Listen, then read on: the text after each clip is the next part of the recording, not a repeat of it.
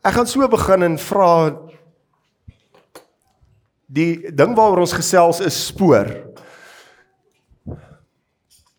Wat is die grootste soogdier se spoor? Wat sou jy sê is die grootste soogdier se spoor? 'n Olifant.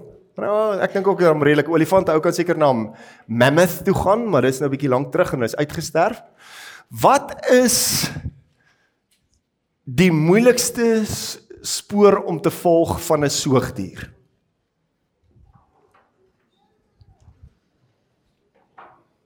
'n Walvis, ek het dit gehoor. Dis reg. Dis die heel moeilikste spoor om te volg. Wat is die maklikste spoor om te volg?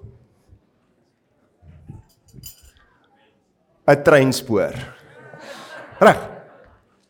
Mila Straggen skryf van haar dagboek in 2009. Sommige dae laat geen spoor nie. Dit gaan verby asof dit nooit bestaan het nie. Dadelik vergete in die waas van my rotine. En ons daar ander dae wat spore laat, wat dalk langer hou, 'n week of 'n dag of dalk langer. Maar die winde van my geheuebank waai dit toe met vals sand van nuwe ervarings. Dis 'n aanhaling uit 'n boek van Dion Meyer. Die boek se naam is Spoor. En hy gebruik eintlik een van sy karakters in een sy vorige boeke se dagboeke om hierdie aanhaling te maak. En dis waarop die bekende reeks op Mnet op hierdie stadium op Sondagaande wat trekkers is gebaseer is. En dis hoe ek op hierdie idee gekom het vandag. Dit wys jy, my pa het altyd gesê 'n preek begin altyd met 'n stukkie plagiaat wat jy pleeg. Iewers daar is daar 'n moment wat iemand iets sê of jy hoor iets en dit het met my gebeur laat aand op 'n Sondag aand terwyl ek moeg gewerk was, want onthou Sondag is my maandag. Ek het daar gelê en ek het hierdie storie gekyk en ek het besef hier's iets. Wat is 'n spoor? Die Woordeboek vir Afrikaanse taal sê dis 'n indruk of 'n afdruk veral van 'n poot of 'n voet op 'n sagte meegewende oppervlak. Of dis 'n afdruk van iets wat met 'n natterige vloeistof in aanraking gekom het op 'n oppervlak.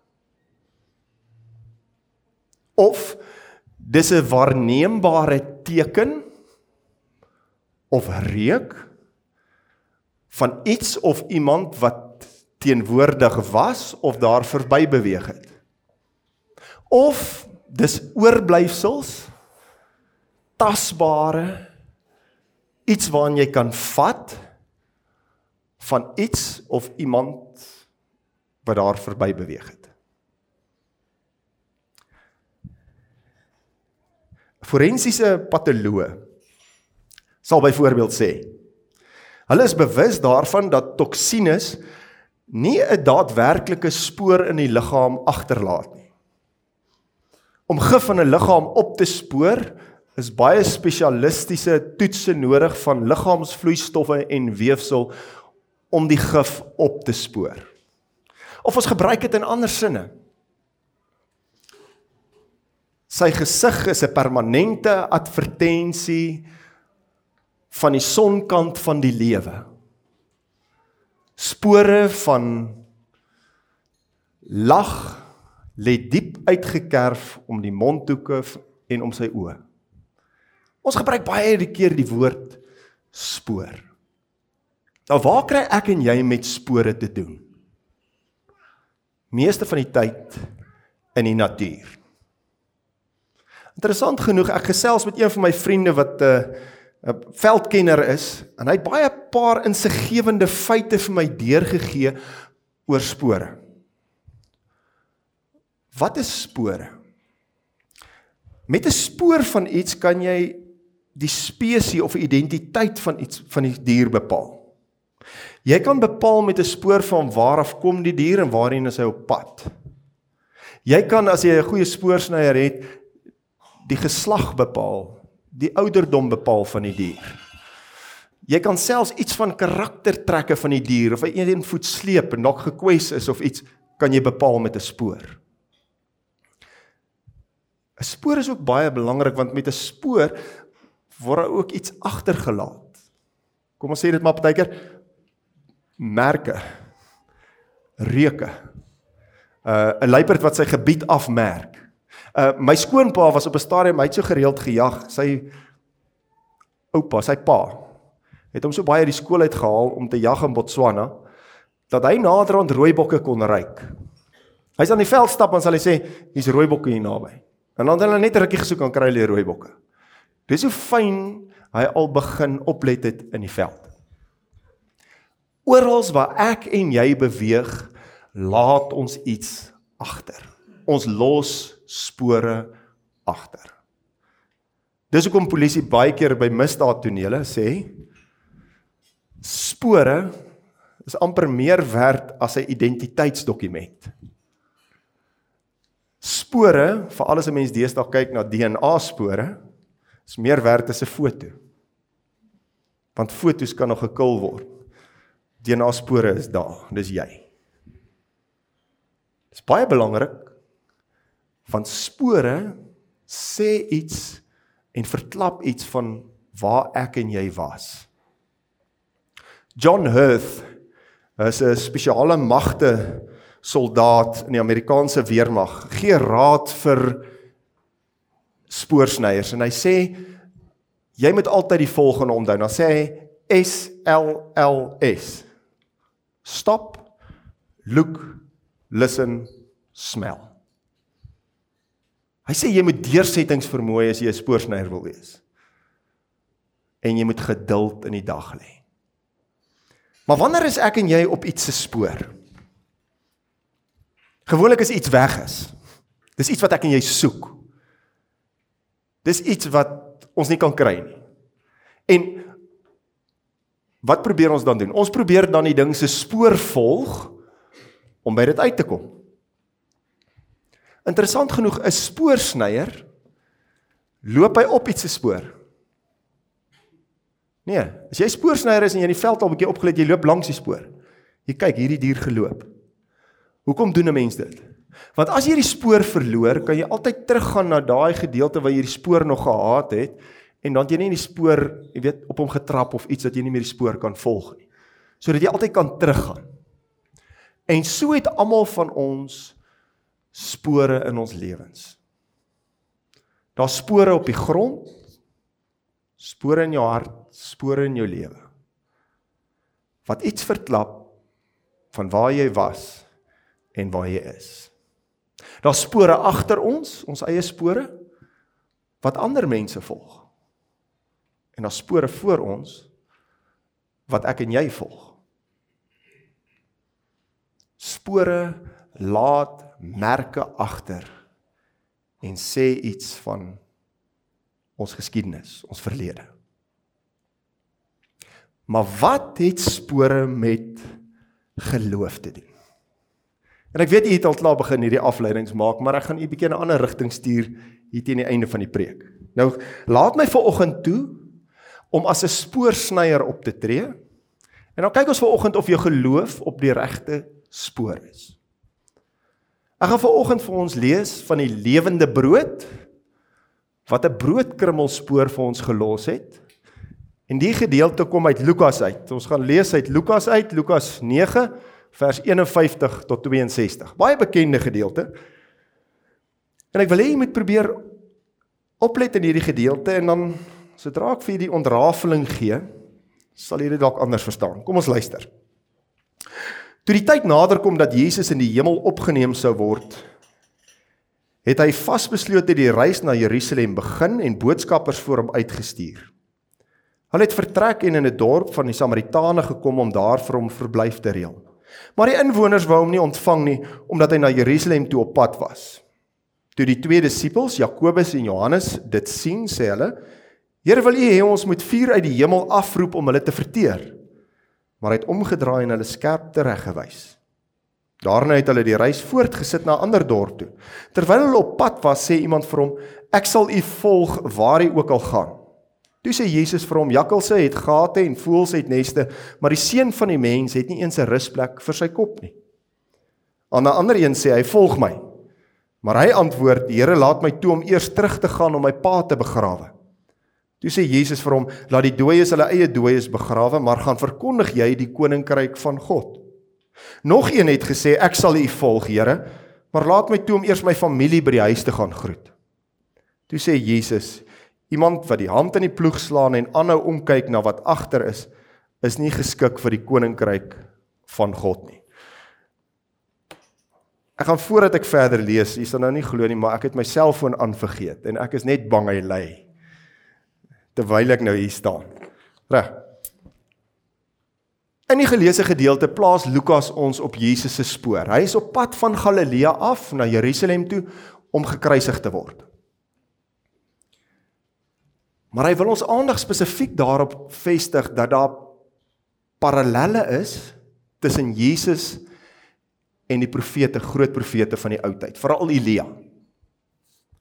Nou ek moet vir u die brokkie inligting gee sodat u die gedeelte kan verstaan.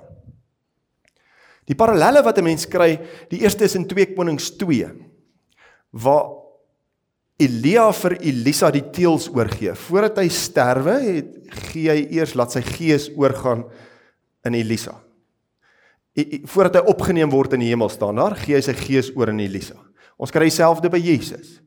Nadat hy opgeneem is, gee hy sy gees oor aan sy disippels. So daar's direkte parallelle tussen die verhaal van Elia en Elisa en Jesus. Maar hoekom probeer hy dit sê? Daar's ooreenkomste, maar soos jy later in die verhaal sal hoor, is daar ook ernstige verskille. Om Jesus te volg en sy spoor te volg, gaan dikwels gepaard met swaar kry en verwerping. Ons kry dit in die gedeelte. Hy wou deur Samaria gaan. Nou ons het by vorige preke al bietjie gepraat oor die Samaritane wat die Jode nie goedgesind was nie, die Jode en die Samaritane goedgesind was nie. Daar's 'n feete tussen hulle. Hy wil deur die dorp gaan. Die Jode het gewoonlik ombeweeg en dan wil hy in Samaria gaan, dan stuur hy boodskappers vooruit, dan sê hulle vir hom hulle gaan u nie hier aanvaar nie. Dan sê hy kom ons gaan na 'n ander dorp toe. En dan raak sy disippels kwaad. Hulle sê nee. Wil u ons met vuur uit die hemel vir hulle afbid? Ons skryf dieselfde vergelyking by Elia. As hulle vra dat hy vuur afbid op die konings se boodskappers. So duidelike ooreenkomste tussen die twee. Maar wat is die verskil? Jesus wys sy disippels tereg. Jakobus en Johannes, hy sê nee. Ek is nie hier om die vuur van God soos 'n oordeel uit die hemel af te bid nie, maar ek is hier om mense aan die genade van God bekend te stel. Hy begin klaar sê, "Wie wat? Dit wat julle geken het, hierdie nuwe bedeling is anders. Dit werk anders." Om Jesus te volg is baie keer gevaarlik. En dan op hulle reis kom daar potensiële navolgers van Christus na vore. Die eerste persoon is 'n bietjie voor op die wa. So 'n bietjie opdringerig. Hy kom na Jesus toe en sê: ek sal U volg. Maar dadelik sien Jesus deur hom. Hy kyk deur hom. Hy besef hierdie persoon weet nie wat dit beteken om my te volg nie. Hy sê vir hom Jakkalse het gate en die voëls van die hemel het neste, maar die seun van die mens het nie eers 'n plek om sy kop neer te lê nie. Hy sê vir hom, as Jesus om Jesus te volg, het nie te doen met luukse gastehuise en hotelle nie. Jy weet dikwels nie waar gaan jy wees nie. Jy's eintlik altyd op pad en jy's uitgelewer aan mense en jy weet nooit wat om te verwag nie. Dis wat dit beteken om Jesus te volg. Dis nie so gemaklik soos wat jy dink nie. Wil jy in Jesus se spoor volg? Nou daar's nie 'n antwoord in hierdie gedeelte wat hierdie persoon se antwoord was nie. Maar ons kan aflei dat hy in sy spore omgedraai het en teruggegaan het. Want hy was nie bereid om werklik die opoffering te maak om op Jesus se spoor te volg nie. En dan kom die volgende persoon. Hy is nou 'n bietjie slimmer. Hy het geluister na hierdie gesprek. En dan vra Jesus hom: "Volg my." En dan wat antwoord hy? Hy sê: "Laat my net eers toe om my pa te gaan begrawe." Hy het 'n goeie verskoning hierdie ou.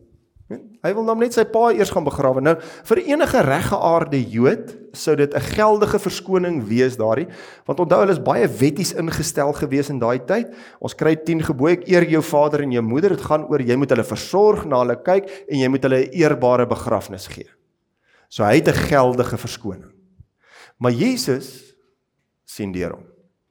Hy weet hy wil eintlik sy opsies oophou. Hy besef hier's iets hier agter.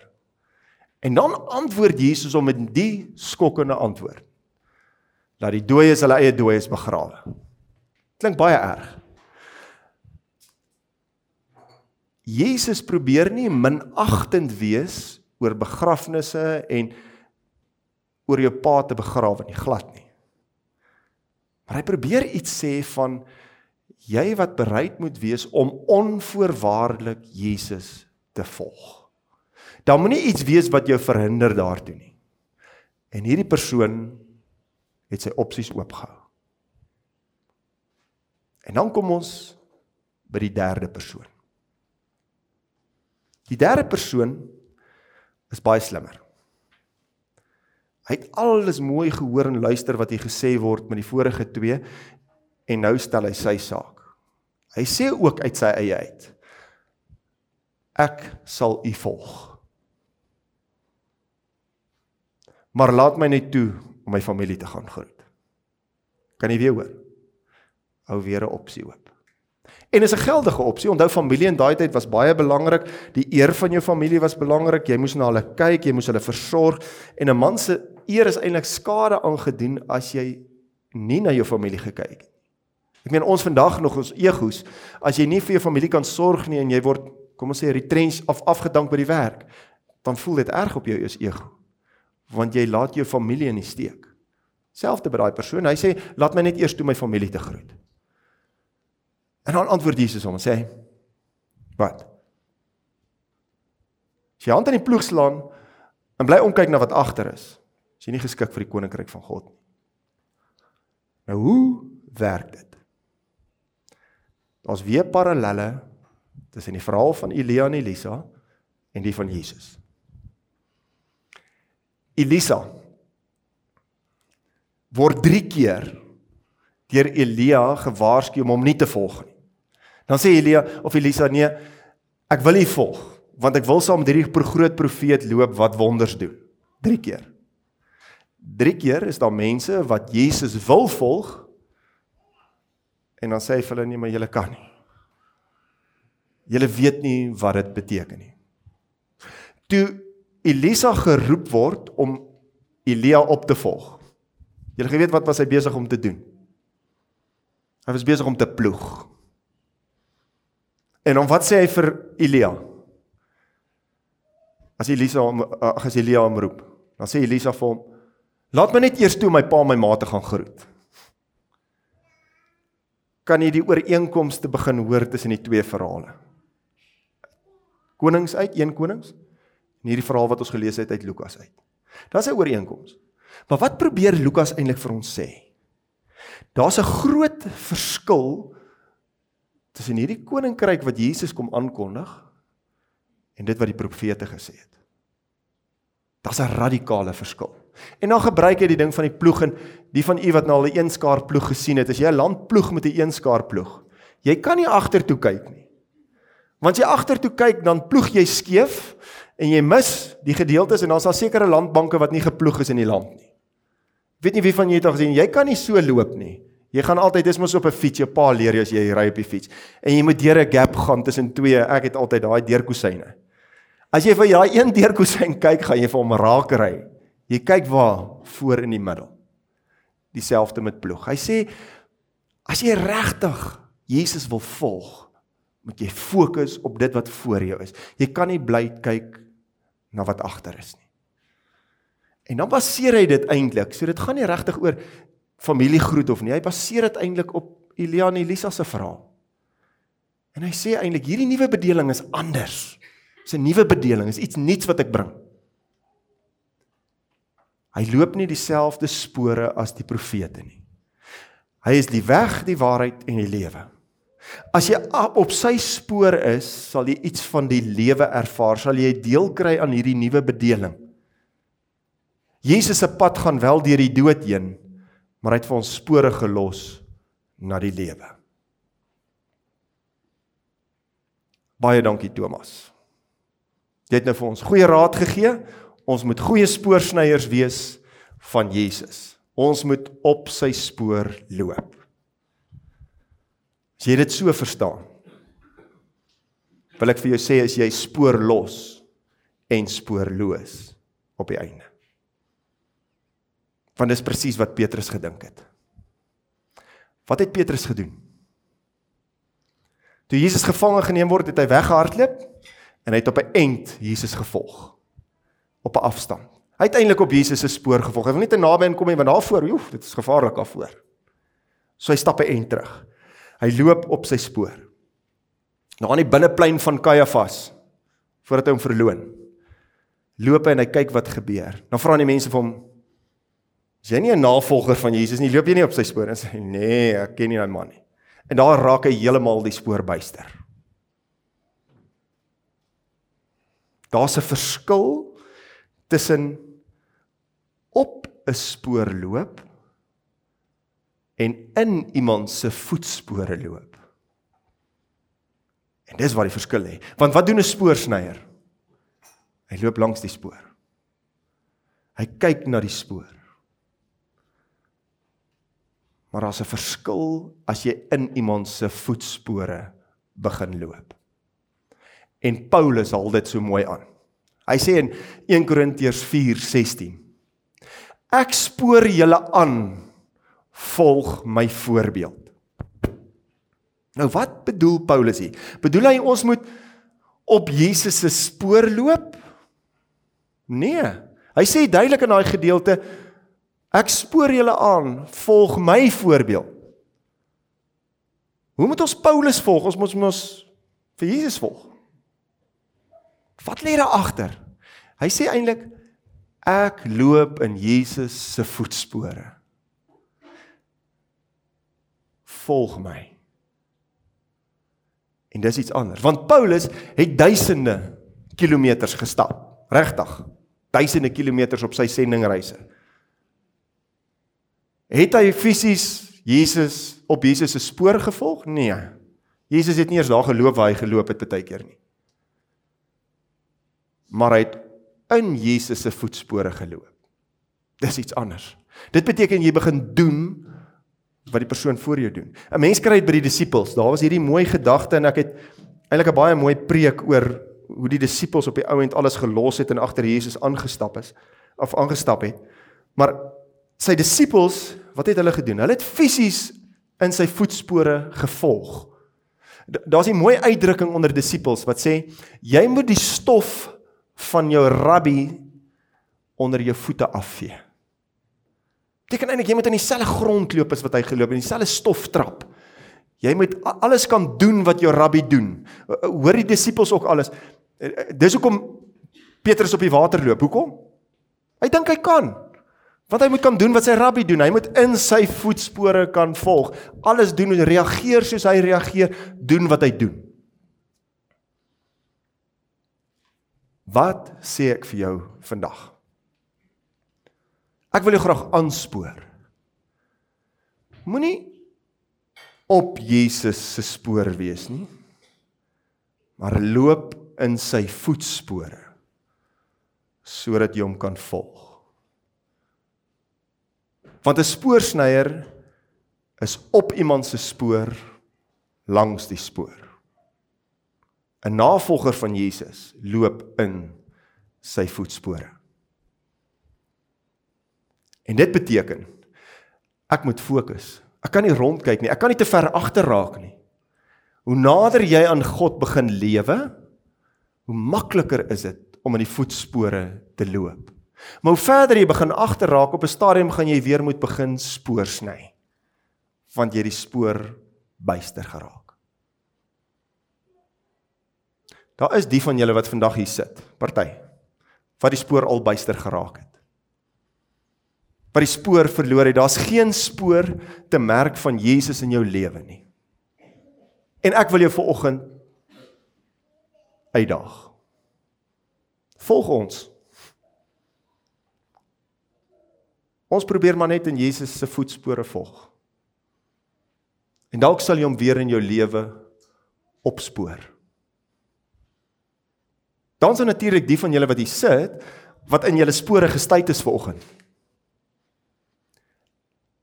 Ek kan nie hierdie doen nie. Dis nie waarvoor ek opgeteken het nie. Geloof vra net te veel van my om te doen wat Jesus doen. Vergewe teen alle logika aan. Nee wat, ek stop net hier in my spore. Ek is nie bereid om verder te gaan nie.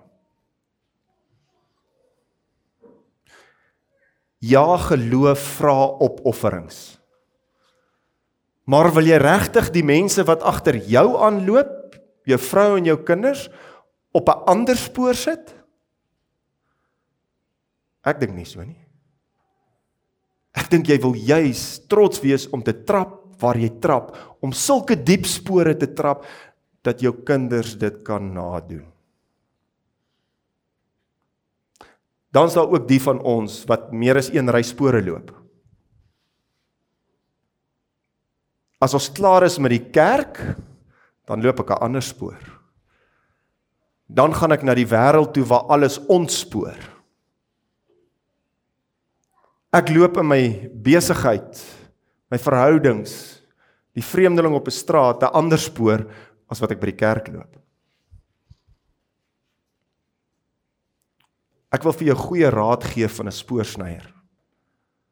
Trap in jou spoor. En ons het ook die van ons wat ons spore probeer doodvee. Almal van ons het soveel verkeerde goed al gedoen waaroor ons skaam en skuldig voel. Maar onthou, Jesus het klaar vir jou spore op Golgotha getrap. Hy het vir jou spore getrap deur die dood, deur die graf tot in die hemel. Volg net op sy spoor, want daar is vergifnis en lewe. En dan is daar natuurlik jy wat ver oggend hierso sit wat saamgesleep is pop-up kerk toe. Jy het nie hiernatoe geloop op 'n spoor nie. Jy's aan die kraag amper gedwing om hier te wees deur een of ander familielid of 'n vriend of 'n vriendin wat vir jou gesê het jy kom saam met ons kerk toe vanoggend. En waarskynlik terwyl jy nou hier sit, dink jy ek wil my net so gou as moontlik hier uit die spore uitmaak. Sodra ek 'n kans kry, is ek weg. Ek wil vir jou sê terwyl jy daar sit en besig is om jou tekkies aan te trek voordat jy weghardloop. Jesus gaan jou weer opspoor. En hy gaan jou dalk in jou spore laat omdraai. Ek wil graag afsluit met 'n laaste meer onbekende beeld van spore. En dis die woord spoortjie. Wat is 'n spoortjie? Volgens die Woordeboek van Afrikaanse taal is dit 'n klein eensellige voortplantingsliggaam wat bestand is teen ongunstige weeromstandighede om die organisme te kan laat voortbestaan. Wat is dit in kort? Dit is daai spoortjies onderkant te varing. Dis 'n klein selletjie soos styfmeelpoeier wat deur die wind weggewaai kan word wat bestand is teen ongunstige weertoestande en dan wat 'n nuwe plant weer kan voortbring. Onthou ek het in die begin gesê voetspore as ek Mila Straghan kan aanhaal. Partykeer hou dit vir 'n week of 2 of 3 Maar partykeer waai die wind van ons geheue bank dit toe met die valsand van nuwe ervarings. My gebed vir jou vandag is en ek wil jou aanspoor. Moenie net op Jesus se spoor wees nie. loop in sy voetspore. Sodat jou voorbeeld sulke diep spore kan trap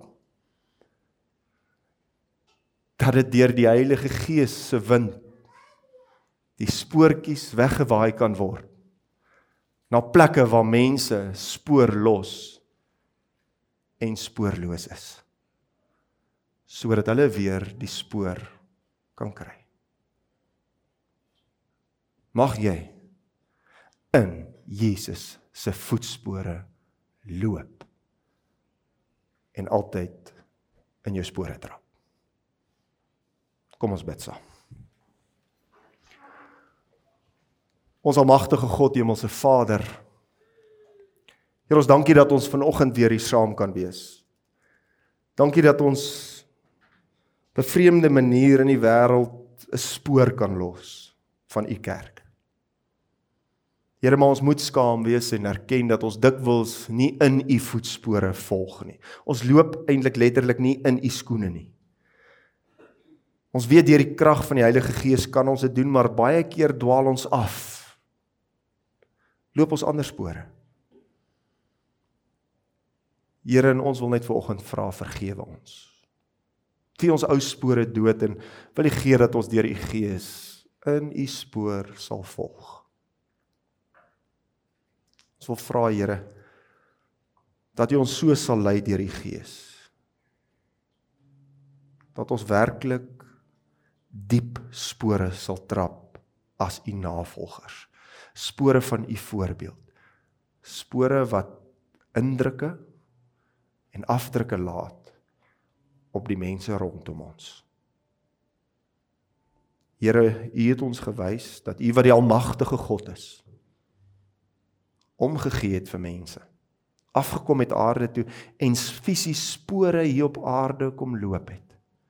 Agter ons aankom loop het. Ons kom opsoek het. Dankie daarvoor. En dankie dat ons hierdie spoor kan volg deur die dood, deur die graf, tot in die hemel tot by die lewe. Wil U gee dat ons altyd in hierdie voetspore sal wees. En wil U gee dat ons spore verander. 'n Padkaart sal wees na U. Ons bid hierdie dinge nie omdat ons dit enigsins kan verdien nie, maar enkel alleen net omdat ons agter Jesus bereid is om aan te loop in sy voetspore. Amen.